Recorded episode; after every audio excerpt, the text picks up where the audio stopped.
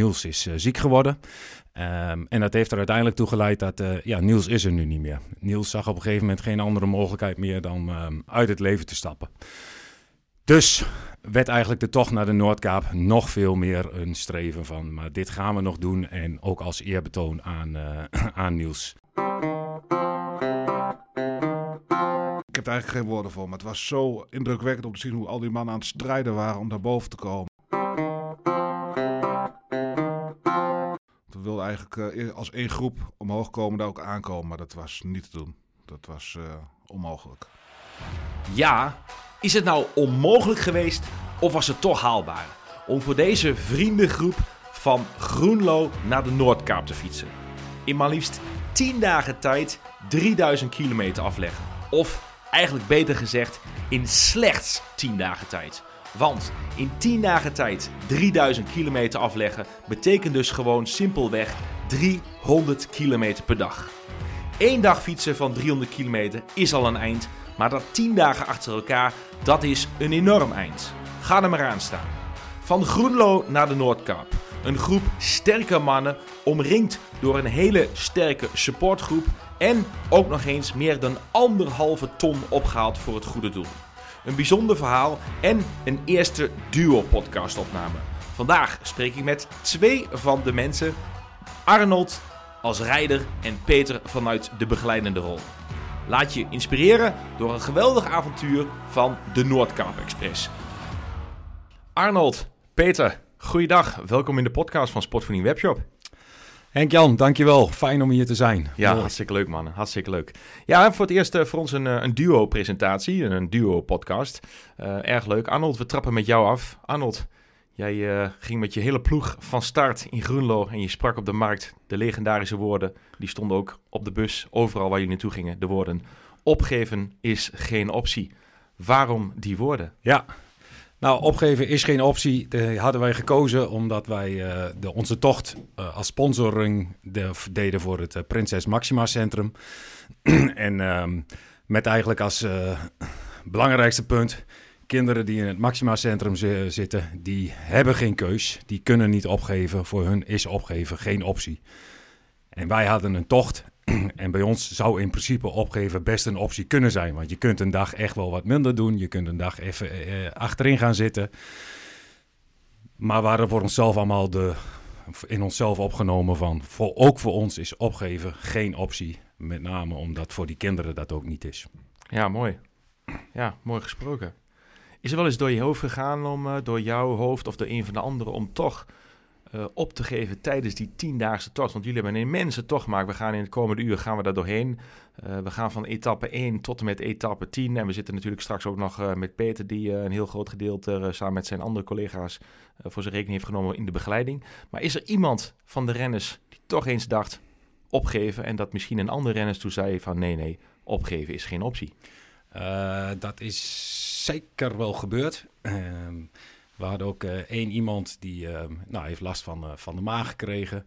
En die had echt even wat motivatie nodig. En nou, met name Gerrit bij ons in de ploeg was daar heel goed in om door te hebben van mensen die het even wat zwaarder hadden ging die naast fietsen en dan uh, gaf hij ze een paar hele belangrijke motiverende woorden. En dat was voor iedereen verschillend, want iedereen fietste met, uh, ook voor zichzelf persoonlijk vaak nog wel met een eigen doel. Ja. En daar kon Gerrit dan altijd heel mooi op terugvallen. En heeft hij een aantal mensen er echt wel doorheen geholpen op momenten dat zij het zwaar hadden. En toch dachten van, gaat dit lukken? En dan toch even een paar goede woorden spreken en dan uh, was de motivatie er weer. Daar gingen jullie weer. Mooi.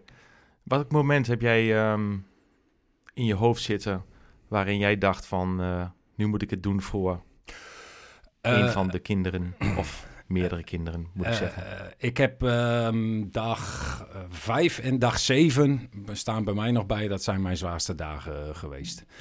Ja. Um, dag zeven had ik de nacht ervoor niet goed geslapen. Uh, ik had s moeite met eten en ik zat op de fiets en ik denk van uh, het lijkt wel alsof ik uh, half dronken op de fiets zit. Dat ik coördinatie niet goed had, mijn voorganger niet goed in de gaten kon houden. Gelukkig bij de eerste pauze, een van onze andere teamleden had cafeïnepillen bij zich. En die hebben mij toen daar geholpen. En die, die dag heb ik het ook echt wel wat ja, heb ik me echt wel wat gedrukt. Maar ehm, toen heb ik wel echt even een paar keer moeten denken van... eh, oké, maar eh, we zijn op dag zeven. Het is nog drie dagen. We gaan zeker niet opgeven. Eh, maar dat is het enige... Op die dag heeft dat het vaakst door me hoofd gespeeld. Oké, kijk aan. Hartstikke goed. Mooi, dankjewel. We gaan even, even helemaal terug naar het begin. Eh, wat, wat, wat bezielt een groep vrienden of een groep sportmannen om van Groenlo naar de Noordkaap te gaan fietsen in, eh, in 10 dagen? Dat is 300 kilometer gemiddeld per dag. Wat, ehm, wat drijft jullie om zo'n takkeneind te fietsen? Ja, een takkeneind, ja. Nou, daar zeg je het goed. Eh, wat drijft ons? het. En dat zeg ik met veel respect en veel, eh, ja, ook met een glimlach op mijn gezicht. Maar wat, wat drijft jullie om dat te doen? Ja, ik denk voor ieders van ons toch de uitdaging. Eh, kijk, jullie hebben hier als slogan eh, goed is niet goed als beter eh, nodig is. Nou ja, ik denk dat voor ons deze tocht was van ver is niet ver genoeg als het nog verder kan. Ja. En dat is echt, denk ik, de tocht is begonnen naar aanleiding van een eerdere tocht die een gedeelte van de groep gemaakt had. In 2015 zijn we in 36 uur van Groenlo naar Parijs en weer terug naar Groenlo gefietst. Dat was 1000 kilometer. Twee mensen van die groep, Niels en Gerrit, die namen zul je denk ik nog vaker horen. Zeker. Die hebben dat, eh, zijn daar een hele belangrijke rol hebben daarin gespeeld. En ze kwamen terugfietsen. Net voor de markt in Groenlo, waar s'avonds een groot slotfeest was, zeiden ze tegen elkaar: Ja, wij dachten dat dit heel zwaar en heel ver zou zijn, maar het viel ook nog best wel mee. Hè? Dus als we nog iets willen, dan moet wel iets. Een tandje eh, bij. nog- Ja, daar zat ik ook bij. Maar die, dat gesprek toen heb ik dan niet eh, zo letterlijk meegekregen. Dat hoorde ik achteraf. En toen hebben zij met z'n tweeën gedacht. En Gerrit en Niels zijn twee eh, van oudsher eh, mekaars beste vrienden. En met name Niels was iemand, het moet altijd iets harder, iets sneller, iets beter, iets verder, iets hoger, iets dieper, noem maar op. Als je 50 kilometer ging fietsen, wilde hij 60 kilometer fietsen. Als je 150 ging fietsen, wilde hij 160 fietsen. En Niels en Gerrit die zeiden tegen elkaar van... als wij nu vanuit Groenlo hier zijn en we komen vanuit Parijs... maar we stoppen niet met fietsen, we gaan gewoon door. We trekken de lijn door van Parijs naar Groenlo en je gaat door. Dan ga je naar het noordoosten. Wanneer kun je niet meer verder dan? Wanneer stopt het? Ja, Dat is de ultieme grens. op de Noordkavel. Ja, daar, eh, daar houdt het op. Dan houdt Europa op. Dus hoger kan niet. Nou, dan gaan we de volgende keer daarheen. En zo is het Ja. ontstaan. Zo simpel is het ontstaan. Goed zo. En jullie hebben dat niet eh, alleen maar voor jezelf gedaan. Hebben dat in gedachten gedaan, eh, Ja. ja, ook met vele anderen. Nou ja, de, de belangrijkste die ik daar in ieder geval persoonlijk voor wil eh, noemen... is dan toch eh, wederom Niels. Want Gerrit en Niels, wat ik al zei, hele goede vrienden van elkaar. Eh 2015 hebben we die fantastische tocht beleefd. En daarna is Niels ziek geworden. Niels en Gerrit, nou, die hadden dit samen bedacht. En ehm, ja, daarna is, toen dit bedacht was, daarna is Niels is, ziek geworden. Ehm, en dat heeft er uiteindelijk toe geleid dat, eh, ja, Niels is er nu niet meer. Niels zag op een gegeven moment geen andere mogelijkheid meer dan ehm, uit het leven te stappen. Dus werd eigenlijk de tocht naar de Noordkaap nog veel meer een streven van, maar dit gaan we nog doen en ook als eerbetoon aan, eh, aan Niels. Dus ehm, ja, dat is, dat is een hele belangrijke motivator geweest. En gedurende de voorbereiding van de tocht kwam daar ook nog bij dat we het Prinses Maxima Centrum, dat eh, Gerrit daar persoonlijk ook heel eh, direct mee te maken kreeg. Via zijn, eh, zijn dochter Madelief, die, waarbij een, ehm, een tumor werd ontdekt. En toen nog niet duidelijk was, kwaadaardig, goedaardig. Uiteindelijk is het gelukkig allemaal goedaardig. Staat ze nog wel daar onder behandeling. Maar toen kwam Gerrit persoonlijk in contact met ja, het fantastische werk wat Maxima Centrum doet. Mhm. En nou, toen er een eh, goed doel aan de tocht verbonden werd, was dat dus al heel snel duidelijk van, dat gaat het Maxima Centrum worden. En dan gaan we ook alles uit de kast trekken om een gigantisch bedrag voor, eh, voor het Maxima Centrum op te halen. Ja, dat hebben jullie gedaan. Ehm, we gaan natuurlijk nog verder over eh, de mooie tocht, maar even... Arnold, wat voor bedrag hebben jullie opgehaald voor het eh, Prinses Maxima Centrum? Ja, dat, ehm, we hadden een eh, sponsoractie gestart. En dan eh, bij het Maxima Centrum eh, geef je dan een doelbedrag op. Mhm. Nou, en daar werd gezegd van we gaan voor een ton. Nou, toen dat genoemd werd, dachten heel veel mensen, inclusief mijzelf volgens mij, van dat is leuk, maar dat is iets te hoog gegrepen. Uiteindelijk gingen wij op vrijdagochtend, dus de tocht moest nog beginnen. Op vrijdagochtend 3 juni gingen wij weg en de teller stond al op 75.000. En wij hadden nog geen kilometer gefietst richting de Noordkaap. We hadden heel veel getraind, maar we hadden nog geen kilometer gefietst. En we hadden al 75.000 opgehaald. Zo. Dus dat past helemaal in de lijn van eh, de gedachte, onder andere ook van Niels. Ja, absoluut. van, eh, absoluut. als het minder was, kon het altijd nog meer en beter. Ja, en die vrijdagochtend hadden we ook het idee van... ja, maar als we nu 75.000 hebben... dan moeten we eigenlijk gaan voor eh, twee keer zoveel. 3000 kilometer. Als we nou voor elke kilometer die we fietsen 50 euro ophalen... halen we anderhalve ton op. Nou, dat zou een heel mooi bedrag zijn.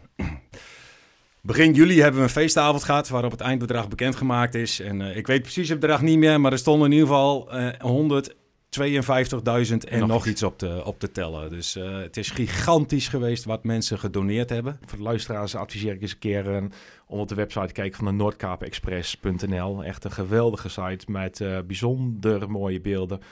kippenvel van te krijgen en ja, waarin ook velen tot tranen geroerd zullen worden. Zeker, zeker en vast. Um, laten we eens teruggaan um, in twee delen wat mij betreft. Eén, we gaan eens kijken naar jullie trainingsachtergrond. Want um, jullie hebben daar twee jaar voor getraind. Niet voor niks natuurlijk. en daarnaast hebben jullie de tocht volbracht.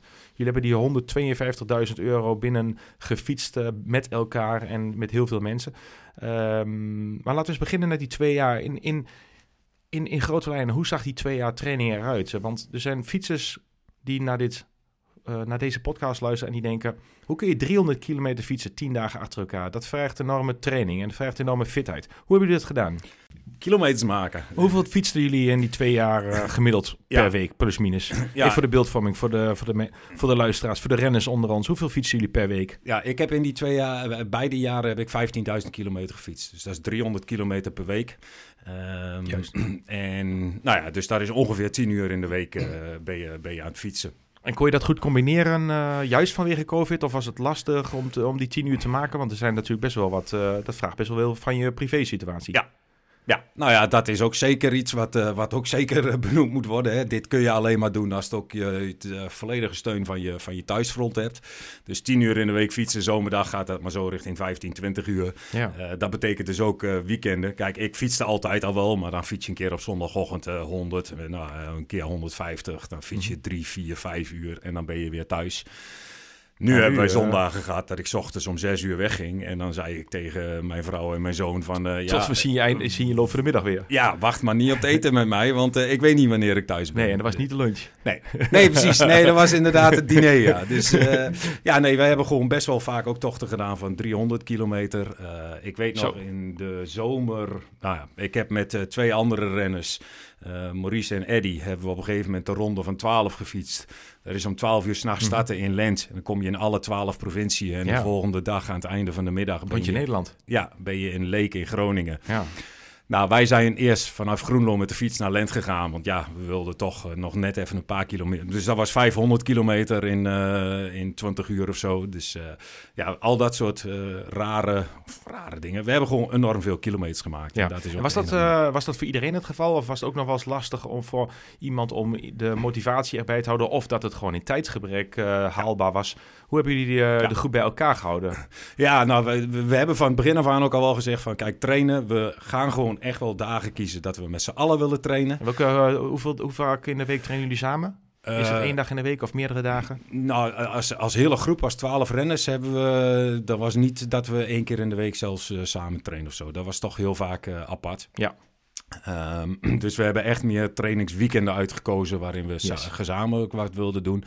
En voor de rest was het eigenlijk meer ieders voor zich. Van uh, ja, je weet gewoon uh, wat voor kilometers je moet maken. Ja. Uh, de ene weet ook van, oh, ik zit al op een best wel goed niveau. Ik moet vooral bijhouden. En een ander wist echt wel van, nou, ik moet nog wel wat bijtrekken om mee ja. te kunnen. Ja. En dus dat heeft ook niet altijd zin om, om samen te trainen. Nee. Het lukt ook niet altijd. Tijd. ik heb ook wel eens, ik, ik vind het lekker om s ochtends op tijd op te staan en voor het werk te fietsen. Precies. Een andere wil liever s'avonds fietsen, misschien iemand overdag. Die twee jaar zijn jullie goed doorgekomen. Gaan we zo even kijken ja, wat voor verzorging jullie hebben gehad en welke begeleiding uh, daarbij kan kijken. Spreken we zo dadelijk over, iets verderop in de podcast met Peter. Uh, laten we eens naar de start gaan in Groenlo. Toen jullie afgetrapt zijn. etappe 1 zit eraan te komen. we gaan van etappe 1 op naar etappe 10 naar de finale op de Noordkaap. Jullie zijn aangekomen. Maar voordat we daar zijn, beginnen we eerst bij het begin. Etappe 1. Jullie starten in Groenlo. Ja. Um, je zijn niet met 10 mensen weggefietst. Er stonden ook nog wat andere mensen om je heen. Ja, ja dat was uh, ook wel bijzonder. Want uh, we vertrokken vrijdagochtend om 6 uur vanaf de markt in Groenlo. Want de eerste dag hadden we gelijk best wel een lange dag. 330 kilometer naar Glückstadt. Ligt in de buurt van Hamburg. We moesten twee keer over een rivier over. eh, bij Bremen en bij Hamburg. Dus eh, nou, we hadden best wel het idee van... We kunnen nu nog echt op tijd weggaan. Want nu hebben we nog echt de mogelijkheid om, eh, om het schema goed aan te houden. En ehm, dus om 6 uur s ochtends weg. Dat is vroeg. Ik wist wel van, god, eh, weet je, je, je, je eigen je naaste familie, partner, eh, zoon eh, of kinderen, die, nou, die zijn er wel. Maar toch in de loop van de week kregen we wel het idee van, ja, we horen van heel veel mensen van, hé, hey, maar wanneer gaan jullie weg? Op vrijdag. Oh ja, hoe laat dan? Zes uur. Oh ja. Oh, wel vroeg, ja. Waar vertrek je? Markt. Oh, nou, misschien dat ik nog wel even kom. Dus uiteindelijk komen wij vrijdag 's ochtends om, om iets voor zes uur op de markt. Eh, de, de busje met de begeleiding stond allemaal klaar. Eh, er werden al videobeelden gemaakt. Mooi met een drone ook. Een shot van boven en zo. Dat is echt Ja. fantastisch. Prachtig. En, eh, Echt het- prachtige beelden. Het, staat gewoon echt vol op de markt. Ja, de etappe 1 gehad. Eh, dat was voor iedereen prima te doen. Na twee jaar trainen, hoewel het een 300 eh, kilometer dag was, dan nog, ja, het is, het is de eerste dag. Je bent allemaal fris en je zit allemaal lekker in. Ga je door naar dag 2. Trekken we al iets richting eh, iets hogerop. Hoe zag dag 2 eruit? Was je weer zo vroeg van start om 6 uur? Of Nee, eh, want... even, even, heel even nog over etappe 1. Wat is je koerssnelheid geweest? Plus minus van eh, dag 1 ongeveer. Ja, net geen 31 volgens mij. Ben je 10 uur aan het fietsen. Ja. Je hebt ook nog eens een keer, eh, je hebt natuurlijk wel de drie pauzeplekken gedurende een dag. Nou, er komt eens een keer eh, wat anders of zo. Dus reken dat je dan 12 uur onderweg bent. Dus Mhm, als jij ja. s ochtends om 7 uur uit het hotel weggaat, ben je s'avonds om 7 uur op de plek van bestemming. Ja. En dan moet alles gewoon best wel redelijk lekker Doorlopen. lopen. Ja, moet je niet te veel eh, calamiteit onderweg hebben. Nee, dus we wisten ook al wel van we kunnen niet echt onder die 30 gaan fietsen. Ehm, we hoeven er ook niet heel ver boven, want eh, we moeten het allemaal wel vol kunnen houden. Dus dag 1 en 2 was nog eh, prima te doen. Je zit er allemaal lekker in. Het begint echt, als ik jullie YouTube-video's ook zie, dag 4, 5 dan. eh, ehm, zullen we anders gelijk ehm, doorspringen naar dag 5? Omdat ik het wel heel erg leuk vind om met name in het laatste gedeelte wat langer bij stil te staan. Maar de tweede helft, eh, was, eh, toen ging dat, ja, begon het wel iets te veranderen dat eh, mensen het gewoon zwaarder begonnen te Ja, krijgen. met name vanaf dag 5 eh, Ja. begreep ik. Dus misschien moeten we Ja. daar naartoe gaan. Wat mij betreft gaan we naar Ja. dag 5. En dan gaan we ook even inzoomen. Is, als je al zo lang op de fiets zit, nou, de eerste dagen is goed te doen. Daarna wordt het zwaarder. Dan kom je ook heel erg eh, op twee onderdelen. Eén, het mentale aspect. Maar twee, ook het, eh, ja, het eh, eh, lichamelijke aspect. Dus hè, hoe ga je om met je energieniveau? Hoe ehm, Ja. kun, je eens, kun je eens omschrijven... Hoe hebben jullie gegeten en gedronken? En wat hebben jullie zoal gegeten tijdens die dagen 5 tot met 10? Maar met name vanaf dag 5 bijvoorbeeld. Laten we eens inzoomen op bijvoorbeeld dag 5, waar we nu zijn. Ehm, Wat eet je? Je start eh, s ochtends om tussen 6 en 7 start je. Ja. En ehm, dan ga je met z'n allen ontbijten.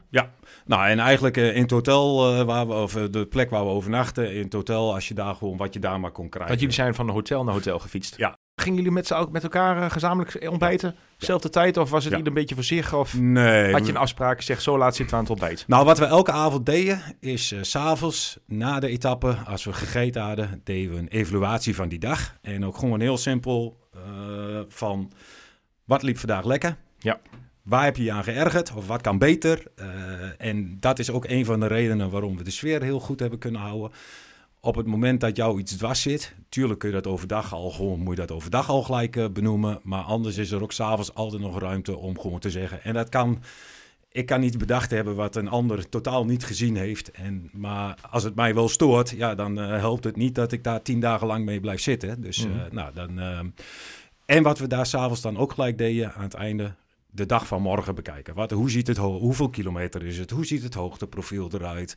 Ehm, en dus ook gewoon, hoe laat gaan we weg?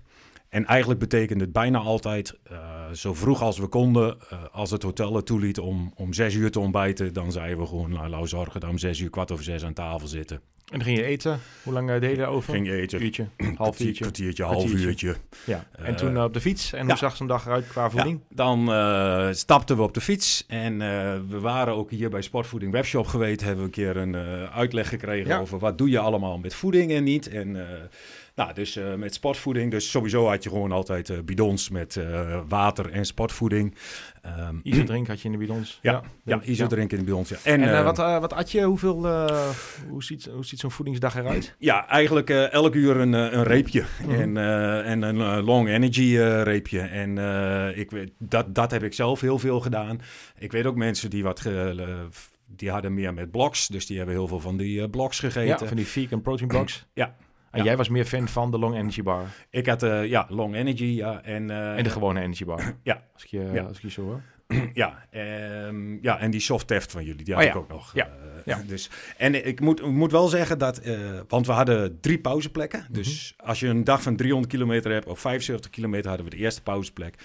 En daar had dan de begeleiding weer, hè, daar stond chocomel, er waren eh, broodjes, maar er was ook fruit. Eh, op een gegeven moment kregen we door van, nou, misschien is het wel lekker om gewoon chips te hebben, gewoon een beetje zout. Ja, een keer Nou. wat anders eten. Ja, en we zeiden, dus noemden we dat van, hey, misschien moeten we de volgende pauze eens een keer een zakje chips proberen. Nou, vanaf dat moment was er elke pauze was er weer weet ik hoeveel chips. Ze zijn volgens mij elke supermarkt in Zweden hebben ze gezien, denk ik, want overal zijn ze naar binnen gegaan. Maar ook constant weer om gewoon alles voor ons ja, Te goed te maken. En dat, eh, dat was het. Dus je ontbijten, eh, Ja. dan tot aan de pauzepost eh, een reep eten. Ja. En pauzepost eh, gingen jullie onder andere chips eten. Ja, En, broodjes en fruit en andere dingen. Dan fiets je door. ja. Ging je het middaggedeelte in. Wat, Ja. Middagpauze was vaak wat warms bij, soep, van alles en nog wat. Ehm, Mhm. En eigenlijk probeerden we tussendoor gewoon elke uur wat te eten. Ja, precies. En, en deed, deed iedereen dat voor zich? Of kreeg je dat aangereikt? Had je de repen en gels achter in de zak? Of Ja. hoe deed je dat? Ja, nee, allemaal bij je. Ja, dus je nam ochtends hoeveel producten nam je mee? eh, nou ja, gewoon tot de eerste pauze. Tot de Dus eerste ik, pauze had, pas. ik had gewoon altijd een dubbele bidon op mijn fiets zitten. ja. Ehm, En dan nam je een paar repen mee. en een paar repen mee. En Yes. eh, bij de pauzeplek, dat hadden we op zich ook wel goed voor elkaar. Hadden we een, iedereen had een persoonlijk kratje. Mooi. En daar stond dus ook gewoon je nummer op. En ze stonden gewoon op, Oh, op nummer als je aankwam rijden. kwam je aanfietsen, dus je wist gelijk bij welk kratje je moest zijn. En daar deed je 's ochtends alles in wat jij dacht dat je die dag nodig had. Dus Ja. als het weer een beetje slecht leek, kon je daar bijvoorbeeld je regenjasje in doen. Ja. Kon je daar extra overschoenen in doen. Mooi. Zeker in het begin ook 's ochtends als het koud is, dan had je nog een extra windstoppertje of een extra wat dikke shirt aan. Halverwege wil je dat uitdoen, deed dat in dat kistje. Eh, en daar had je ook allerlei extra voeding in zitten. Dus ik had sowieso altijd... Wat was jouw... eh, sorry, ja, je gang. Had Nou, ik had altijd- sowieso altijd in dat kistje... eh, ik had twee bidons op de fiets en ik had er altijd twee klaar in de, in de kist... die ik bij de eerste pauzeplek zo kon wisselen. En ook altijd nog in de, in de kist een bidon met ehm, eh, een soort ja, recovery drink of zo. Mhm. In ieder geval nog iets, iets anders dan de ISO-drink. En ja, van die tabletten. die- Hydrate. ja, hydrate Ja, tabletten. bruistabletten. eh, eh, maar ook, eh, pff, ik heb... Nou, dat gaat Peter straks nog wel Ja, vertellen hoe zwaar onze tassen waren. Maar eh, wij hebben van alles meegesleept aan, eh, aan voeding. Ik heb ook eh, niet alles opgekregen bij lange even heeft volgens mij helemaal niemand. Je neemt altijd te veel mee, omdat Ja, je gewoon goed voorbereid wil zijn. Maar kijk, ook in de kist had ik ook van alles zitten waar ik denk, misschien vind ik dit wel lekker. En dat kan een gevulde koek zijn. Of, Wat was jouw lekkerste... Wat, wat, wat ik denk, oh, daar keek ik echt naar uit. Als ik straks stop, dan staat mijn kistje weer klaar. En dan pak ik lekker dat. Die gevulde koek of die chips of die reep of die... ja, Wat was jouw, eh, wat was jouw ding? Ah, yes. Ik ben Ik, bij de eh, kistje. ja als, je, als we bij de pauzeplek waren, gewoon... eh, Wat zat in het kistje van Arnold? In het kistje van Arnold zat ehm eh, Snickers en Mars. Dat, eh, dat vind ik toch ook gewoon heel lekker. En wat zat in de andere kistjes van de anderen waar zij naar uitkeken? Wat was hun guilty pleasure waar ze dachten, oh, dit is mijn ding. Heb je iets bijzonders gezien? Oh, dat, is een goede vraag. Heb ik zoiets bijzonders gezien?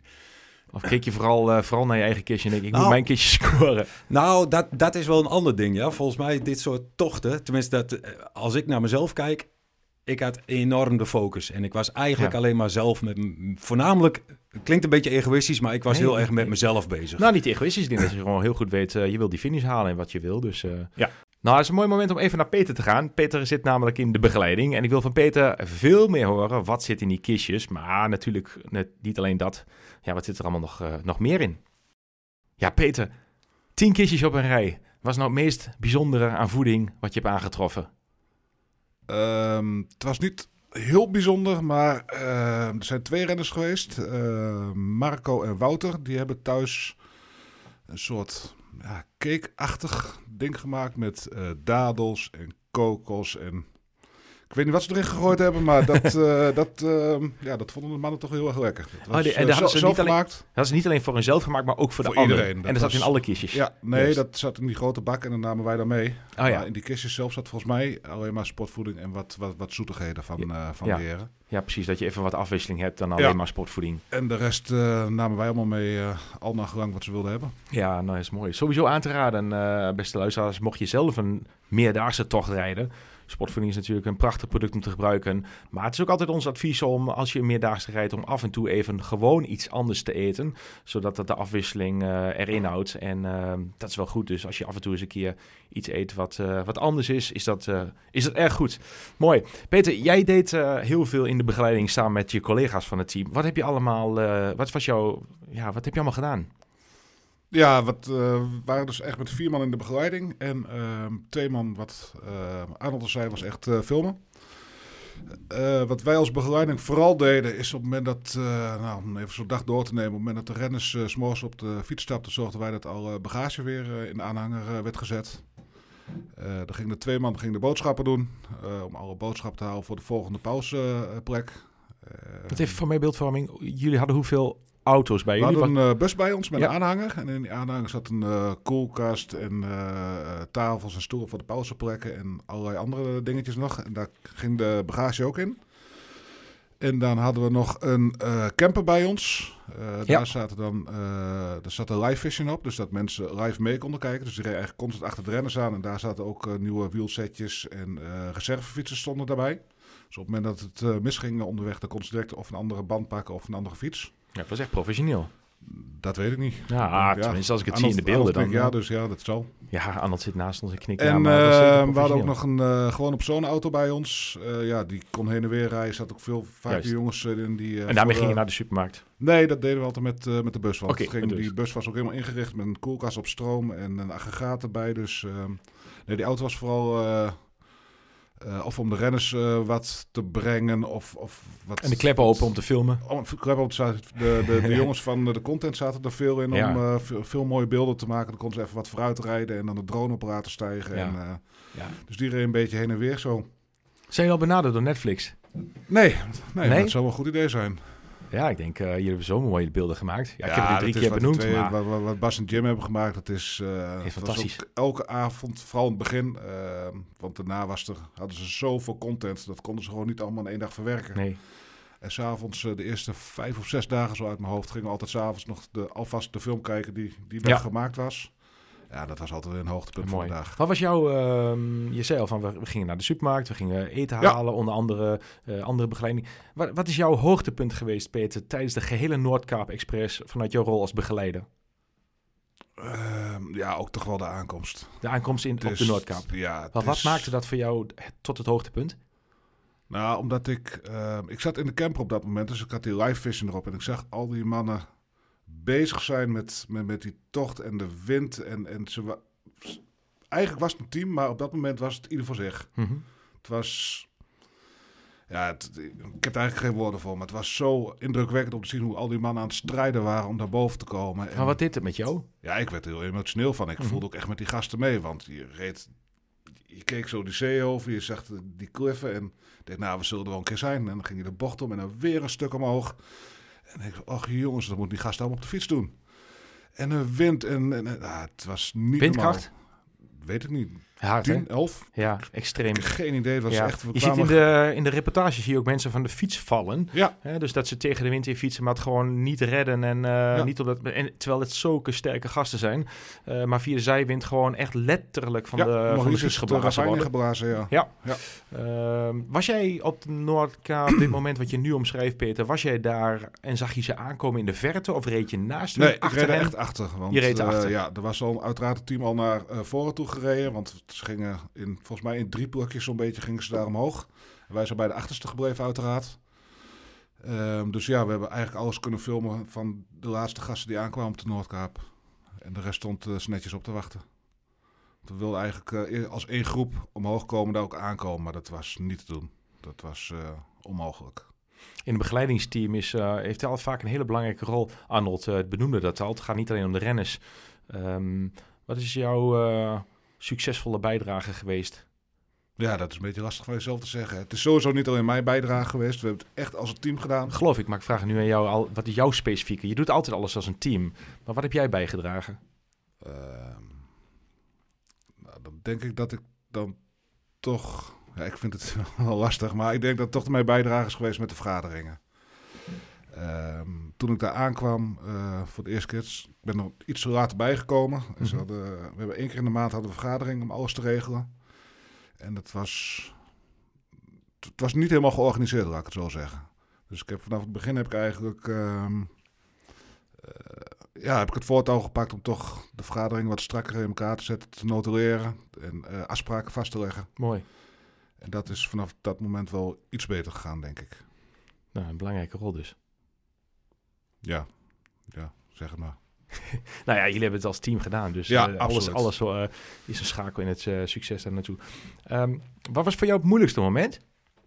En misschien voor jou persoonlijk mag je zeggen, maar misschien ook wel voor de groep. Heb je, is er een moment geweest waar je denkt van... Oeh, dit kan dan wel eens even een, nee, een opgeven is geen optie moment worden. Nee, daar heb ik nee? nooit aan getwijfeld. Nooit aan dus, getwijfeld? nee, nee, het was ook echt mooi om te zien. Omdat je natuurlijk alles vanaf de zijlijn eigenlijk meekrijgt. En je, je ziet dingen die zij niet zien. Dat, dat... Kun je eens een voorbeeld geven wat jij zag, wat zij niet zagen? Uh, nou, één renner bijvoorbeeld, Wouter. Een heel sterke renner. Uh, die, uh, er waren twee, twee renners die waren die dag wat minder. En die fietsen ook een beetje achterop. En Wouter heeft ze bijvoorbeeld, uh, één voor één heeft hij ze zo weer handje onder het zadel en weer teruggebracht. En dan zie je dat soort dingetjes. Ja, dat, dat is kameraadschap. Dat zie je van achter zie je gebeuren. En je ziet zo'n groep echt naar elkaar toegroeien, ook op de pauzeplekken. Dat is toch zeggen, nou, we hebben toch wat moeilijk hier en daar mee. Nou, dan werd direct besloten van, nou, dan ga je daar daar fietsen. En dan kreeg je ook af en toe een setje. En... Ja, want ik zag in de video wel af en toe beelden dat niet alle renners met z'n tienen naast elkaar fietsten. Maar dat het wel eens, uh, dat het de groep los van elkaar was. Ja. Um, kun jij eens omschrijven hoe dat gaat? Hoeveel ruimte zat er zeg maar tussen die groep? Want niet elke renner is even sterk. Uh, de ene is wat sterker dan de ander, terwijl je allemaal sterk bent, maar toch heb je altijd niveauverschil. Je gaf het voorbeeld aan van Wouter, die even een zetje gaat Ja. de ander af. Weer een ander moment is het ongetwijfeld een andere renner Ja, geweest die absoluut. dat deed. Ja. Hoe, eh, hoe, hoe, was, hoe fietste zij eh, die toch van A naar B, dus van begin tot eind, en hoe bleven ze bij elkaar uiteindelijk? Dat weet ik niet. Want ze hebben onderling op de fiets ze natuurlijk heel veel. En we hebben van tevoren ook wel heel veel discussies gehad. eh, voordat we toch gingen fietsen. Ja, maar gaan we dan met z'n allen bij elkaar blijven? Dus Precies. de snelste moet hij dan bij de langzaamste blijven. Mhm. En we hebben ook gezegd, jongens, laten we maar gewoon gaan fietsen. Eh, we kunnen ook niemand verplichten om achter te stappen. Want we zeiden ook van ja, als één iemand de groep ophoudt, wat dan? Mhm. Dus als de eentje, ik noem maar wat, een twi- 20 eh, gaat fietsen, en, maar hij wil niet afstappen, wat doen we dan? En dat soort discussies zijn er. Ja, Ja, dat nee, maar dan werd gewoon afspraak gemaakt. Ja, nee, we gaan niemand dwingen om achter te stappen, tenzij het echt... ja, tenzij het echt 5 km per uur is. Ja, of En dat, de rest dat- 30, als iemand bewijs van. kotsend op de fiets zit, dan Ja. moet je wel zeggen van jongens, eh, nou stoppen we ermee. Maar ja, er werd ook gewoon afgesproken, nou dan, dan mag hij blijven fietsen. En dan zorg gewoon dat er één auto in ieder geval bij hem blijft. Of één andere renner die zich eh, opoffert om die andere ook binnen te brengen. Zijn de, is, het, is het zeg maar het kameraadschap en het goede overleg wat jullie met elkaar hebben gehad? En is dat het succes geweest van het allemaal bij elkaar blijven? Of Absoluut. is het toch ook het goede doel eh, en de gedachte van... Nou, het is natuurlijk een combinatie van, maar het is... Het was natuurlijk ook een groep renners die... Ze kennen elkaar wel een beetje. Een aantal kennen elkaar wat beter dan anderen. En daar was in het begin ook wel een beetje eh, wat twijfel over van de buitenwacht, wat ik ervan heb begrepen. Van ja, maar kennen de jongens elkaar wel goed genoeg? Maar dat is echt vanaf moment van het trainingsweekend naar, naar het eindpunt is dat heel snel eh, is dat, eh, gegroeid. Ze zijn dichter bij elkaar Ja, gegroeid. absoluut. Mooi. Ja, dat was het. Zag je al met het trainingsweekend. We zijn één keer naar eh, Sauerland geweest. Twee keer 300 kilometer, dus heen en terug. Om toch eens even te kijken hoe dat allemaal ging. En daar zag je al wat, wat Arnold net al zei van... daar reden we soms 33, 34. Ja, en dan... Na de eerste dag werd het wel even geëvalueerd van... jongens, dat kan niet. Dat gaan we straks ook niet doen. Maar toen had je nog wel... toch nog een beetje haantjesgedrag. En dan heb je Mhm. toch met een groep kerels bij elkaar. En ja, toen is wel gezegd van... ja, maar dat gaan we niet doen straks. Dat kan nu wel een keer. Twee dagen is nog een keer te overzien. Maar als je dat straks de eerste twee dagen doet, ook al gaat het makkelijk. Ja, dan kom je zelf tegen op dag eh 7, 8, 9, 10. Kriebelt het bij jou wel eens eh, onderweg t- tussen dag 1 en dag 10 dat je dacht... Oeh, ik had zelf ook wel op die fiets eh, in die groep willen meedraaien? Nee. Of zeg je van nee, Nee, nee, nee. nee? Waarom niet? ik heb niet een gefietst laat ik het zo zeggen. Wat zeg je? Ik heb niet een gefietst Nee, het is... Eh, nee, ik, ik, ik zou doodsbang zijn. Want die gasten die zijn natuurlijk gewend om, eh, om zo naast elkaar te fietsen. En het gaat ook echt hard en Ja. bochten nemen. En nee, ik, eh, ik zou... Ik zou Je was helemaal in je element. Je zat in de goede rol. Ja, absoluut. begeleiding. Ja. Mooi. Nee, maar het is ook gewoon leuk om een beetje mee te ouwehoeren en te doen en dingen regelen. En de waardering die je ervoor krijgt is ook gewoon superleuk. Ja. Ja. mooi. Is er iets vergelijkbaars van een ander evenement waar jij van zei van... nou, dat is redelijk vergelijkbaar eh, Nee, wat wij hebben gedaan? nee, dit, nee. Waarom mij niet? is dit is ongekend Wat, volgens is, mij. waar- wat maakt het dat jullie eh tocht... Je zit niet voor niks in de podcast. En wij zijn op zoek vanuit Sporting Webshop naar sporters die niet topsport bedrijven... maar wel een topsportprestatie leveren. Dat zijn jullie. Wat maakt dat, dat jullie zo... Ja, wat maakt dit nou zo uniek volgens jou? Hè? 3000 kilometer fietsen in 10 dagen is 300 kilometer per dag. Dat is op zichzelf al heel veel. Dan ook nog naar de Noordkap door weer en wind voor het goede doel. Maar is, is, is de combinatie van al die factoren maakt het zo uniek? Of is het de vriendengroep? Nee, het is toch wel echt een sportieve prestatie die die eh, mannen geleverd hebben. Want het is gemiddeld inderdaad 300 kilometer per dag. Maar er waren ook dagen bij van 330, 340. Ja, dag... Van welke was het langs? 340 kilometer per dag? Dag- was- dag vier. Dag vier, toch? Ja, ja. ja, nou, en dan, dan eh, want Arnold zei het wel van, eh dan fiets je 12 uur op een dag, maar je hebt een boot en dan er rijdt een keer iemand een lek. En, en daar waren volgens mij s'avonds ook pas 9 uur, half tien in het, eh, in het hotel. Nou, dat is het echt heel snel eten. Douchen, ja, en die gasten die slapen dan 4, 5 uur en de volgende morgen zitten ze weer op de fiets. Dus ze hebben ook niet heel veel rust tussendoor. En het is maar focus op één ding. Moe of niet, je moet gewoon doortrappen. Was het mooier dat- dan je verwacht had toen je eh, thuis kwam? Of, eh, Ja, je ik- ging weg ik- met een het- bepaald nou, gevoel. je- en je- je- hoe kwam je terug? Was het anders of mooier of precies zoals je het gedroomd of voorgesteld had? Had je een idee van tevoren? Nee, helemaal niks. Nee, Nee, het het is- is ook echt, het is als een rollercoaster is, heb ik het beleefd en het ging ook zo super snel. En het is ook, want al die filmpjes van elke dag heb ik daarna natuurlijk uiteraard nog een keer teruggekeken. En ik wist, toen we op de Noordkap kwamen, wist ik de hotels niet eens meer. Want Nee. je bent ook echt alleen maar bezig met de volgende dag. Oh, dat moeten we regelen, dat moeten we regelen. kon je wel genieten? Jazeker. Ja, precies. Ja, Ja, ja. ja, nee, want ja, je rijdt erachteraan. Dus Ja. je Ja, dat vertelde je net genieten. Ja, absoluut. Is er iets, ehm, naast het feit dat je heel erg genoten hebt en dat het heel veel impact op je heeft gemaakt, is er iets dat je ervan geleerd hebt? Ja, dat je toch wel ontzettend veel kan bereiken als eh, de mindset goed is. Er zijn eh, een aantal mannen die, eh, die er toch echt wel doorheen zaten. Ook eh, fysiek, maar ook eh, emotioneel. Want we hebben echt wel heel veel emotionele momenten gehad. Ja, en als je de mindset goed hebt, eh, dat je toch meer kan bereiken dan je zelf denkt. En heb je dat eh, gezien bij anderen? Maar is het ook iets wat je zelf na de hand in je dagelijks leven in de praktijk hebt toegepast? Dat je denkt van wauw, maar nu ga ik die ervaring die ik op heb gedaan bij de Noordwijk Express gebruiken in mijn eigen leven? Is dit ingefluisterd of eh, nee? Nee, nee, nee, zeker niet. Ik, Nee, Gerrit, ehm, die... ja, ik weet niet wat je bedoelt met ingefluisterd, maar Nee, oké. stel ik een vraag nu dat jij... nee, eh, nee, nou goed, ik, ik praat niet graag, graag over mezelf. Eh, Gerrit, die heeft eh, na de Noordkaap Challenge heeft hij zichzelf ook nog een doel gesteld. Ehm, om een killer body te krijgen, dus compleet afgetraind. En hij vond mij daar ook wel geschikt voor om mee te trainen. Niet om een killer body te krijgen, maar om toch wat aan mijn fysieke gesteldheid te doen. Dat heb ik, na wat twijfel heb ik dat toch wel aangenomen. Met Gerrit is eigenlijk alles best wel heel erg extreem. Dus daar, eh, daar zijn we nu inmiddels eh, tien weken mee bezig. Dus eh, dat, eh, dat neem ik wel mee, ja. Mooi. Kun je soms schrijven voor de luisteraar die jou niet ziet, alleen maar hoort, ehm, wat je zou willen bereiken, waar je naartoe wil, van A naar B? Wat verdikken mij. Ehm, ja, nou, ik wil totaal 30 kilo eraf hebben. Oh, wauw. In, Mooi. in een jaar. En waarom wil je dat? Eh, een stuk gezonder. En wa- waarom wil je gezonder worden? Omdat ik straks nog wel even wil genieten van mijn leven. Op het moment dat ik eh, met pensioen ga. Hoe oud En ben je daarvoor nu? ook al. Ik ben eh 42. 42. Je bent nog super jong. Relatief wel, ja. Ja, toch? Ja, maar als ik het over 20 jaar moet gaan doen, dan eh, wordt het lastig. Ja. Nou, keurig. Knap hoor. Dus eigenlijk heb je ehm, niet alleen voor die gasten eh, een hele belangrijke rol gespeeld, maar je hebt er zelf ook gewoon ongelooflijk veel voor teruggekregen. Ja. Absoluut. Ja, sowieso. De, de kameraadschap en de ervaring. En, en ik, Ja, maar ook de weg te, eh, om straks eh, deze. Je bent er nu, in- je bent er nu in dat. Je zit nu in dat Ja, traject. ja, ja. En als je het moeilijk hebt, wat zeg je dan tegen jezelf? ja, opgeven is geen optie. Ja, exact. Ja, of, eh, Ja, ik moet wel, want anders komt Gerrit me halen. dat Ja. is de tweede motivatie. Ja, Ja. En voor jezelf toch? tuurlijk. Uiteraard voor mezelf. Nee, het is Ja, allemaal voor mezelf. Nee, Dus, mooi. eh, heel zin, maar wel gewoon een goede stok achter de deur. Ja, natuurlijk. Zo, Ja. Je hebt elkaar nodig in het leven Ja. hè, om eh, van A naar B te komen. Of Zeker. dat nou van Groenlo naar de Noordkap is, of jij die 30 kilo wil verliezen. Eh, zo zal Gerrit ook iemand hebben die hem weer inspireert en motiveert. En zo heb ik ook weer iemand die mij weer motiveert. En we hebben elkaar allemaal nodig in het leven. Ja. Dus, ah, mooie les. Dankjewel. Graag Bedankt voor je openheid. Dankjewel. Ehm wat mij betreft ehm, gaan we even terug weer naar Arnold. Want eh, ik zou heel graag eh, die, al die laatste etappes eh, nog even willen inzoomen. Dat wordt echt zwaar. En daarna kom ik heel graag bij jou terug nog even. eh.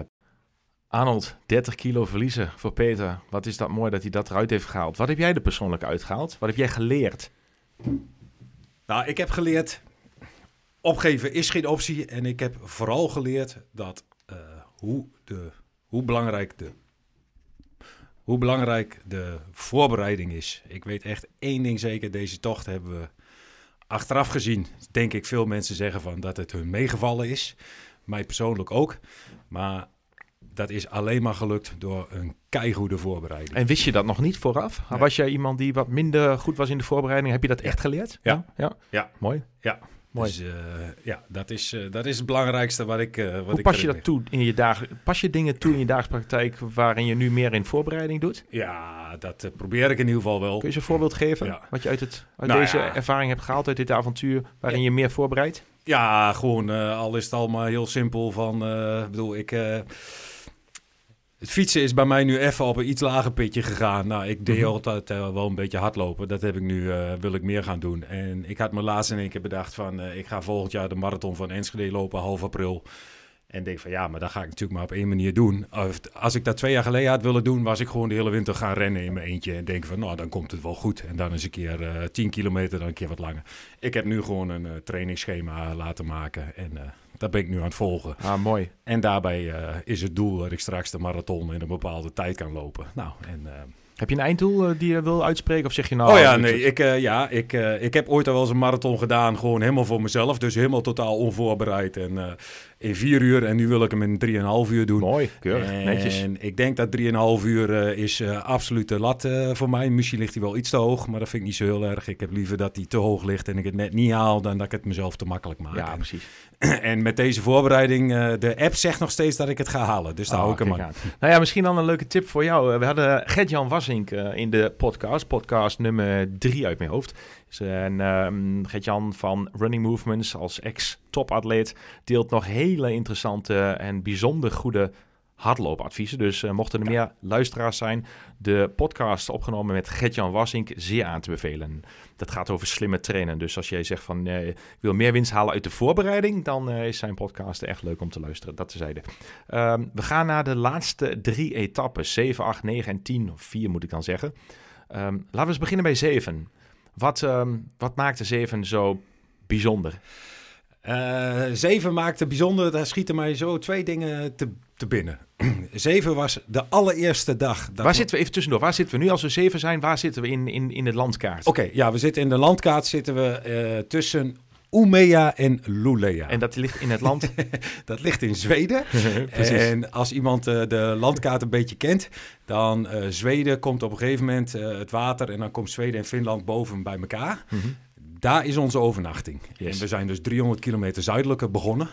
Of goed gezegd, iets minder dan 300 kilometer. Want dag 7 was de allereerste dag dat we minder dan 300 kilometer hoefden te fietsen. Zo, de voorgaande dus zes eerste dagen, zes dagen allemaal 300 plus. Ja. Echt waanzinnig. Ja, dus eh, deze dag was een dag van 280 uit mijn hoofd. Ehm, en staat me nog één ander ding bij.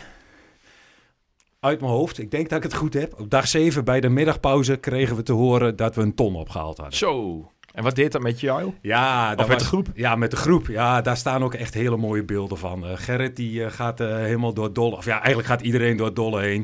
We Vinden zaten- we dat in de video nummer 7 op, Ja. op jullie website? Ja, Ja. ook te vinden op YouTube. Ja. Yes. Ga, Ja. yes. En dus dat was een enorme motivatie. Want nou, in principe hadden we de 100.000 al gehaald. En we wisten eigenlijk ook al van, nou ja, naarmate je naar dag 10 gaat, dan donaties gaan normaal gesproken wat meer richting het einde, wordt alleen nog maar meer.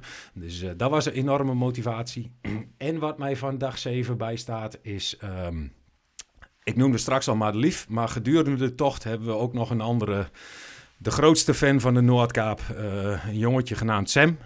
en ehm, Sam komt ook bij ons uit de, uit de buurt. Die kennen we verder helemaal niet.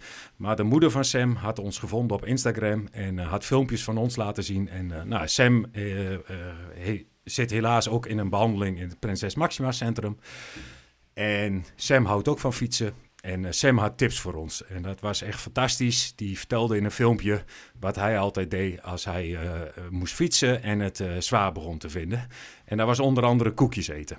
Dus hij gaf ons als tip: jongens, als jullie het zwaar hebben, moet je koekjes gaan eten. Dus wij hadden bedacht, wij gaan een filmpje voor Sam opnemen. En uh, dat hebben we ook op dag 7 gedaan, staat ook op de video. Vind ik ook een heel mooi moment waar uh, Eddie Lamers... Eddie Lamers is een voormalige top triatleet geweest. Dus ik denk dat het de meest professionele sporter in onze hele groep was, of is. En nou, die spreekt een, een boodschap richting Sam. En daar kun je toch ook zien wat dan uh, zeven dagen met je doet. Want ondanks dat we Sam helemaal niet kenden, ja, is toch iedereen uh, best wel emotioneel in, uh, in dat filmpje. Gewoon omdat dat weer nog weer eens bevestigt waar je het voor doet. Mooi, heel mooi. Ja. Ja, mooi. Ja, mooi, bijzonder hoe dat dan loskomt. Hè? Grote mannen, ja. dat we dan toch met z'n allen kunnen huilen. En we zijn allemaal mensen natuurlijk. En als we ons echt openstellen en kwetsbaar opstellen, ja, hoe mooi is het dan om, uh, om zo tot elkaar te komen. Ja. Um, acht, we gaan, uh, gaan we dan naar Noorwegen tegemoet? Nee, ja, bijna. Bijna, uh, ja. ja. dag acht was de laatste dag in Zweden en we hadden een overnachting in, in Finland. er zit net nog een klein stukje helemaal in het noorden wat, wat Finland is. En dag acht was ook de enige dag dat we niet in een hotel sliepen, maar op een camping in, in, in cabins, omdat daar verder niks meer was. En dat was ook een heel mooi uh, moment, want daar uh, zaten we s'avonds aan een riviertje. Het wordt natuurlijk al niet meer donker daar s'nachts. Dus uh, we zaten s'avonds nog en het was wederom... Ja, want welk tijdstip, welk jaargetijde zat je daar? Ja, we, zaten, we zijn 3 juni vertrokken ja, en precies. 12 juni zijn, waren we ja, over. in de maand juni. ja, ja, dag 8 zijn we ook de Poolcirkel gepasseerd. De sfeer zat er ook daar gewoon nog goed, steeds wat goed. heel goed in. Maar mooi. Uh, S'avonds in Finland was ook wel bijzonder. Uh, de vriendengroep van, uh, van Gerrit, die had al aangegeven dat ze richting de Noordkaap zouden komen. Dus die waren s'avonds op dag 8, waren die ook op de plek waar wij toen overnacht hebben. 9 en 10 nog. Uh, ja, het is, we gaan richting het einde. Ja, nou dat, dat begonnen we ook zo te voelen. Kijk... wat ik tot en met dag 5 was alles eigenlijk nog best wel uh, leuk en aardig en halleluja. En, en uh, we hadden ook nog geen drupregen gehad. we hebben ook heel weinig slecht weer gehad. We hebben heel veel geluk gehad met het weer. Mm-hmm. Dag 6 was wel de eerste dag dat wat regen kwam. En toen was ook wel het besef op dag 5 s'avonds van ja jongens, we zijn nu halverwege. Maar vergelijk het maar van uh, we hebben de thuiswedstrijd gehad en het thuispubliek hadden we allemaal mee. En alles ging lekker en alles ging leuk. Maar het echt zware komt nu, de volgende. Daar zit je, praat je over nu uh, in negen, dat het echt zwaar, echt zwaar was. Nou ja, we, we, we, de eerste vijf dagen is nog relatief makkelijk. De tweede vijf dagen, dan begint het pas echt zwaar te worden. Ja. Nou, en dat is, dat is ook zo geweest. Onthoud dat trouwens ook straks, uh, Arnold, in jouw marathon die je gaat lopen. Vanaf 30 kilometer begint het, kan ik uit ervaring zeggen. 35. maar goed. Nou, uh, ga, ja, etappe 9, wat het, uh, ja, was echt pittig? Nou, nee, dat eigenlijk niet. Want uh, dat was, ik persoonlijk, en ik denk dat de meeste renners dat zo ervaren hebben, is dag 6, 7, 8 waren de zwaardere dagen. Dag 9, ja, je gaat toch richting het einde. Kijk, Precies. heel eerlijk gezegd, Ja. iedereen had tegen elkaar ook dag 10 telt eigenlijk niemand. Want op dag 10 ga je niet meer afstappen. Dan Nee. gaat iedereen gewoon door. Dus nou, als je dag 9, Door bent gekomen, dan is 10. Dan weet je het al. En dag 9, uh, één, we hadden uh, van de begeleiding, uh, Joris was een fysiotherapeut. Die had ook een fiets mee. Dus als hij af en toe kon, dan pakte hij een etappetje mee of een gedeelte van een etappe. Ging hij ook gelijk zo'n beetje al het kopwerk doen. Want hij zegt van brand mij maar op. Ik kan morgen wel weer uitrusten. Dus die ging op dag 9 ook mee. En hoe het kwam, ik weet het niet. Um, maar op dag 9, we stonden s ochtends op. En ik weet niet wat we in de, in de koffie of in het brood hadden zitten. We stappen op de fiets en uh, het ging gelijk uh, 6, 7, 38. En in plaats van dat we op een gegeven moment minder gingen, hebben we dat zo'n beetje de hele dag volgen. We hadden ook wind in de rug, hè? dat moet ook gezegd worden. En, uh, maar Nou, dan nog. ging als een ja. wilde. Als de brandweer. Ja, ja dag Mooi. 9 kwamen we. Wat dat betreft was het ook de mooiste etappe, omdat we s'avonds in Alta aankwamen. Dat is een, meest, ja, dat is een vrij plaats helemaal boven in Noorwegen. dus we gingen toen ook van Finland naar Noorwegen toe. het was een prachtige tocht. Het landschap werd echt heel mooi. Hè? In Zweden is natuurlijk heel veel bomen. Maar toen we in Alta waren, toen was je eigenlijk al echt op het punt waar nauwelijks meer bomen waren. Waar het nog veel meer rotsen en kaal was. nou, dat was een prachtig mooie tocht met de zon. En met de wind in de rug en richting Alta toe, toen moesten we ook, daalden we helemaal af naar zeeniveau. Dus we hadden qua hoogtemeters die dag ook nog, we daalden iets meer dan dat we moesten stijgen. Dus dat zat allemaal mee. We hebben als een gek gefietst en we waren smiddags om half vijf in het hotel, weet ik nog. En volgens mij om vijf uur begon het al te regenen als een gek. Dus als we niet die tocht, als we niet zo snel hadden gefietst, waren we ook nog ja. uh, geworden. Dus dat zat echt allemaal mee. Dat was, uh, ja, wat dag 9 was, uh, als ik nu terugkijk, dag 10 was de meest bijzondere. Ik denk dag 9 was voor mij de mooiste etappe van de, van de hele tocht. Ja, ja. En dag 10, ja. uh, de laatste, om bij jou af te sluiten, ja. om straks nog even terug te gaan, afrondend in de podcast naar Peter. Maar voor jou, Arnold, je komt aan bij de Noordkaap. we hebben al heel veel gehad over de route en de tocht en het kameraadschap. Wat, um, wat voor gevoel had jij om helemaal naar het einde toe te scrollen toen jij de Noordkaap in beeld zag? Um, Kun je eens omschrijven, de luisteraar, wat jij toen zag, voelde? Ja, um, de, de laatste kilometers, de laatste 60 kilometer of zo, die waren loodzwaar vanwege een storm uh, die er stond en van de zijkant. Dus het was echt worstelen, worstelen, worstelen, meter voor meter vooruit worstelen om verder te komen. En dan toch nog weer heuvel op moeten. En de wind kwam weer van zij. En dan kwam er een camper kwam je tegemoet. En dan weet je weer, als ik dadelijk in de loote van de camper zit, is de wind weer weg. En dan klapt hij je, dan pakt hij je weer. Dus het was echt vol geconcentreerd om op die fiets te blijven zitten. Um, en nou, na het zoveelste bochtje. Ik zag al een keer ergens een koepeltje in de verte. Ik denk, is dat dan dat is... de, de, de Noordkaap? Nou, hij bleek er heel dichtbij te liggen. Maar op een gegeven moment zie je het eindpunt. Ja, en er komt gewoon een hele ontlading. Want wat, wat, wat is een ontlading? Um, kijk, ik zat in. Uh, de, de groep was gewoon uit elkaar gevallen. En dat kon ook met die storm kon dat niet anders. Dus uh, nou, we waren met zes man, uh, fietsten we voor de camper nog.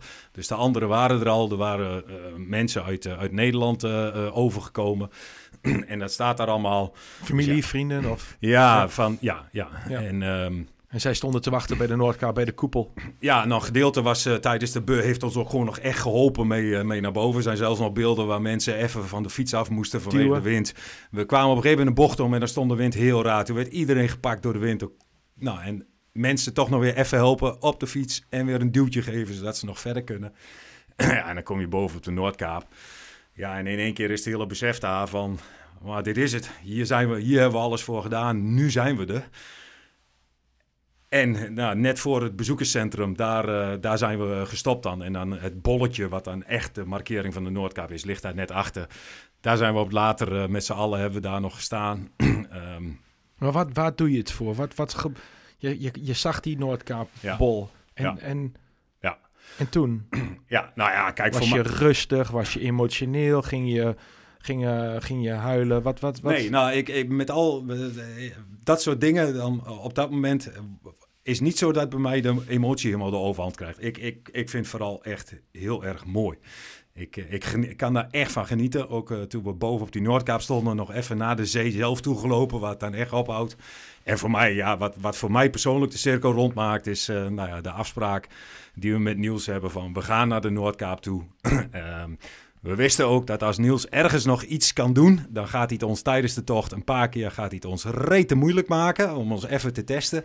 Maar uiteindelijk wisten we ook dat als hij nog iets kan doen, gaat hij wel zorgen dat we z'n allen veilig op die Noordkaap aankomen. En dat was voor mij echt het gevoel waarmee ik dat daar uh, afgesloten heb. Van, uh, het is heel zwaar geweest die laatste dag, die laatste 60, 70 kilometer. maar uiteindelijk heeft, uh, zijn we daar boven op de, op de Noordkaap gekomen. En dat heeft voor mij echt wel uh, het verhaal rondgemaakt van... Uh, nou, dit, ja, dit is echt de belofte aan Niels die we, die we ingelost hebben. mooi, heel mooi. Ja. Is het iets, um, als nou mensen hier naar luisteren, wat, um, ja, wat, wat zou je, wat, wat, welke les naast het feit dat je de voorbereiding hebt we net met elkaar gesproken, maar is er nog een andere levensles die je eruit hebt gehaald, ja. die je zou kunnen meegeven aan andere mensen? Ja, het, het, ook dat klinkt uh, misschien allemaal best wel voor de hand liggend, maar wat mij gewoon tijdens de tocht ook gewoon enorm bijgebleven is van, ja jongens, uh, probeer gewoon met elkaar uh, lol te maken. Kijk, het is heel makkelijk om allerlei dingen aan te wijzen wat, wat anders kan, wat beter moet, wat je niet leuk vindt of weet ik wat. Maar het, alle, het allermooiste is natuurlijk dat je gewoon met z'n allen kunt genieten op die fiets. En dat je lekker aan het rondfietsen bent. Dat je genieten kunt van de omgeving. Dat je kunt ouwen met, uh, met de begeleiding. Uh, dat je mooie videobeelden kunt maken. En dat je vooral lol kunt hebben. Ben je meer gaan genieten door, uh, door deze ja, tocht? Of, ja, of had je het altijd wel in je? Of zeg je van, nou, dit heeft echt wel de ogen op het. Ik ben nu meer bewust en ik ga meer genieten in het leven? Ja, Oh, wauw, wat mooi. Ja, nee, dat uh, zeker. Dus, mooi. Uh, dat betekent ook dat je meer gaat genieten. Dat je niet nog eens een keer zo'n tocht van 3000 kilometer gaat doen. Dus nee. dat je, dat als je het nu gaat doen, nou, dan ga je het gewoon minder ver doen. Het lijkt me fantastisch om een keer in de bergen te gaan fietsen. En dan, nou ja, je hebt nog wel een ware uitdaging met die marathon natuurlijk ja. voor de boeg. Dus, ja, maar goed, dat, dat, ja, dat klopt. Alleen... Qua nee. tijd, hè? Ja, ja. Dus het is minder lang, maar de tijd is natuurlijk jouw challenge straks. Ja, maar uh, nee, ja, gewoon uh, echt genieten van, de, van alles wat je onderweg tegenkomt. Er hebben heel veel mensen tegen ons gezegd, maar Zweden, Zweden is echt doodsaai. Dat is overal bomen. Ja, dat klopt. Het zijn heel veel bomen. En toch was elke dag anders. En elke dag was fantastisch uh, om, om te zien. Ik weet nog dat we op één dag zagen we voor het eerst een rendier. Nou, iedereen helemaal lyrisch. Oh, rendier, rendier, weet ik wat. Nou, op dag 8, 9, toen zeiden we van, laat die klote beesten eens een keer van de weg afgaan. Dan kunnen mensen gewoon doorfietsen. Zo ja. vaak kwamen, ze, kwamen we ze tegen. Dus het is ja, dat zijn gewoon dat soort dingen. Ik vind dat prachtig mooi om, uh, om dat mee te maken. Mooi. Dus heb je een, uh, een, uh, een rijke mens gemaakt. Ja, zeker. Hoeveel calorieën heb je verbrand in al die dagen? Weet je dat of niet? Je hebt wel alles bijgehouden. Afstand, kilometer, ja, snelheid. Ja, weet je nog iets over je calorieën? Voor zover dat bijgehouden werd. Maar ik zag dat jullie via de website alles via um, Garmin ja, hadden bijgehouden. Strava heb ik wel staan. Nee, calorieën nee, heb ik hier niet in staan. Nee, nee, nee, geen probleem. Ja, Peter, jij zag die uh, renners vanuit een heel ander perspectief aankomen bij de Noordkaap. Hoe heb jij dat ervaren? Welke emoties of welke... Ja, wat zag jij? Ik zag vooral heel veel trots. Dat ze toch, uh, ondanks die, die storm, dat was echt, echt killing, was dat ze toch, uh, dat ze toch allemaal volbracht hebben. En waar, waar, waar, zie je die trots in? Is dat, uh, gaan ze high five of is het uh, elkaar omhelzen? Wat, of zegt het in de ogen? Omhelzen, ja, ja. schreeuwen tegenover elkaar oh, wow. staan van we hebben het gret, grote ogen en knuffels. En ja, het was natuurlijk ook het weerzien met de familie, wat natuurlijk ook wel een hoop deed bij sommige renners. Wat deed er met jou toen jij die trots zag bij al die mannen? Want ja, dat moet je ook wat gedaan hebben, denk ik.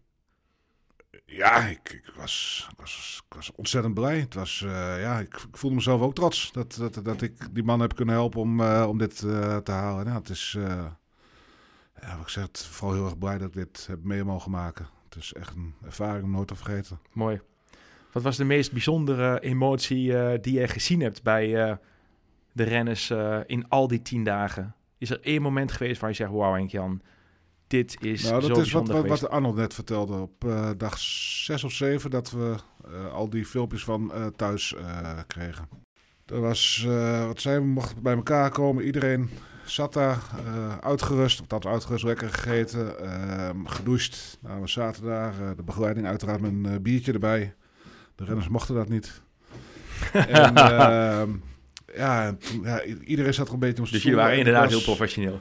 Ja, ja, ja. Precies. Ja, we, moeten, uh, we moeten ook wel een beetje de spirit heel houden. Dus, uh, uh, maar ja, ik had mijn eigen filmpje gehad. Nou, dat was, ja, dat was natuurlijk ook emotioneel. Waarom weet ik nog steeds niet. Want het was, ja, het was gewoon een goed vanuit Nederland. Ja, het is ook ja. niet zo dat je een jaar weg bent of zo. Maar het doet toch wat met je. Nou, toen heb ik ook nog even naar de andere renners gekeken. Of de andere begeleidingen, mensen die erbij waren. Wat, wat er gebeurde. Ja, dan zie je toch op het moment dat ze dan een boodschap van thuis krijgen. Dat ze toch wel heel erg klein worden. Ja, Mooi. En ook weer groter gelijk, want ze zijn natuurlijk wel ontzettend trots van de ene keer. Bij mij waren het mijn vader en mijn moeder, mijn broertje. Bij anderen waren het de vrouw en de kinderen. En van iedereen echt gewoon heel naaste uh, familie die ja. boodschap Van wie kreeg jij een boodschap? Van mijn vader, mijn moeder en mijn broertje. Mooi, van je vader, moeder en broertje. En die zaten met z'n drieën bij elkaar een boodschap in te spreken? Of was nee, het drie mijn broertje woont in Amsterdam, dus uh, die uh, deed even separaat. En mijn vader en moeder, ja, die hebben volgens mij tien pogingen gedaan. Want ja, die zijn natuurlijk nog niet zo handig met filmpjes opnemen. Maar ja, het was wel fantastisch om te zien. Authentiek. En dat moment dat je iedereen toch stuk voor stuk in de ogen keek. En ja. Toen jij dat filmpje zag van je ouders en van je broertje, wat... Als je daar nu aan terugdenkt, wat, hoe kijk je dan anders aan tegen het leven? Om, ga, je, ga je dingen dan anders doen? Of je zei net al heel mooi dat je zei van ik ga uh, proberen 30 kilo af te slanken. Maar zijn er nog andere dingen wat je tot nadenken heeft gezet? Ja, wat uh, Arnold al zei, wat, wat, meer genieten. Mooi. Ik ben... Uh, ben je er bewuster van geworden? Ja, ik ben best, ik ben, ook, ben ook best wel druk met, met mijn werk. Mhm. En uh, dat, dat beheerst mij even momenteel nogal. En ja, en hoe geniet je dan meer? Ga je meer tijd vrijmaken? ik, besef meer, ik besef meer uh, dat je uh, moet genieten van de dingen. Ook al zijn het de simpelste dingen. Leuke ja. verjaardag of een gezellig middagje op het terras. Of. Mooi podcast delen met mensen. Ja, dat moet natuurlijk niet al te, te, soft worden. Maar nee, dat is wel... ja, daar geniet ik momenteel wat meer van, ja. De kleine dingetjes. Fijn, mooi. Hey, Arnold zei net dat hij zei, nou ik ga nog wel een keer wat doen, maar 3000 kilometer, dat, uh, dat ga ik niet weer doen. Jij hebt in de, vanuit een ander perspectief deze dagen beleefd. Ga jij dit nog een keer doen, zoiets? Als ik de kans krijg, zeer zeker. Zoek je die kans op of zeg je nou als die, oh, gewoon als die voorbij komt? Of zeg je, dit vond ik zo gaaf, ik ga daar actief op naar op bezoek?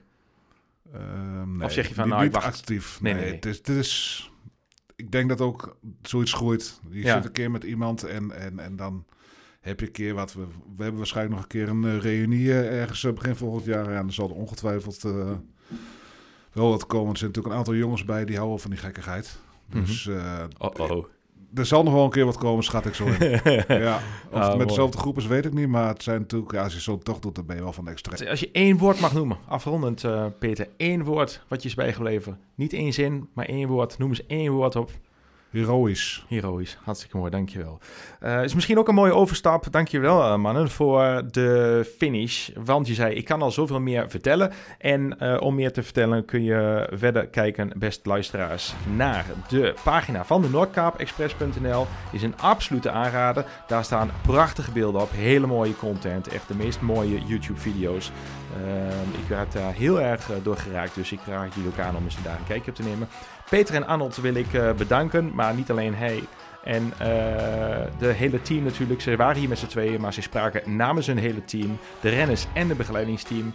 Beste luisteraars van Sportvriend Webshop. Ik hoop dat jullie uh, hier geïnspireerd zijn geraakt om dit verhaal te horen van de Meerdaagse. Ga je zelf een Meerdaagse rijden of ga je een andere uitspanning, inspanning doen? Ehm, dan ja Laat je, uh, laat je dan inspireren door uh, dit verhaal. En de komende edities brengen we nog veel meer mooie podcasts. Bedankt voor het luisteren. Op naar de volgende. Ik wens je voor nu een hele mooie verdere dag en tot de volgende.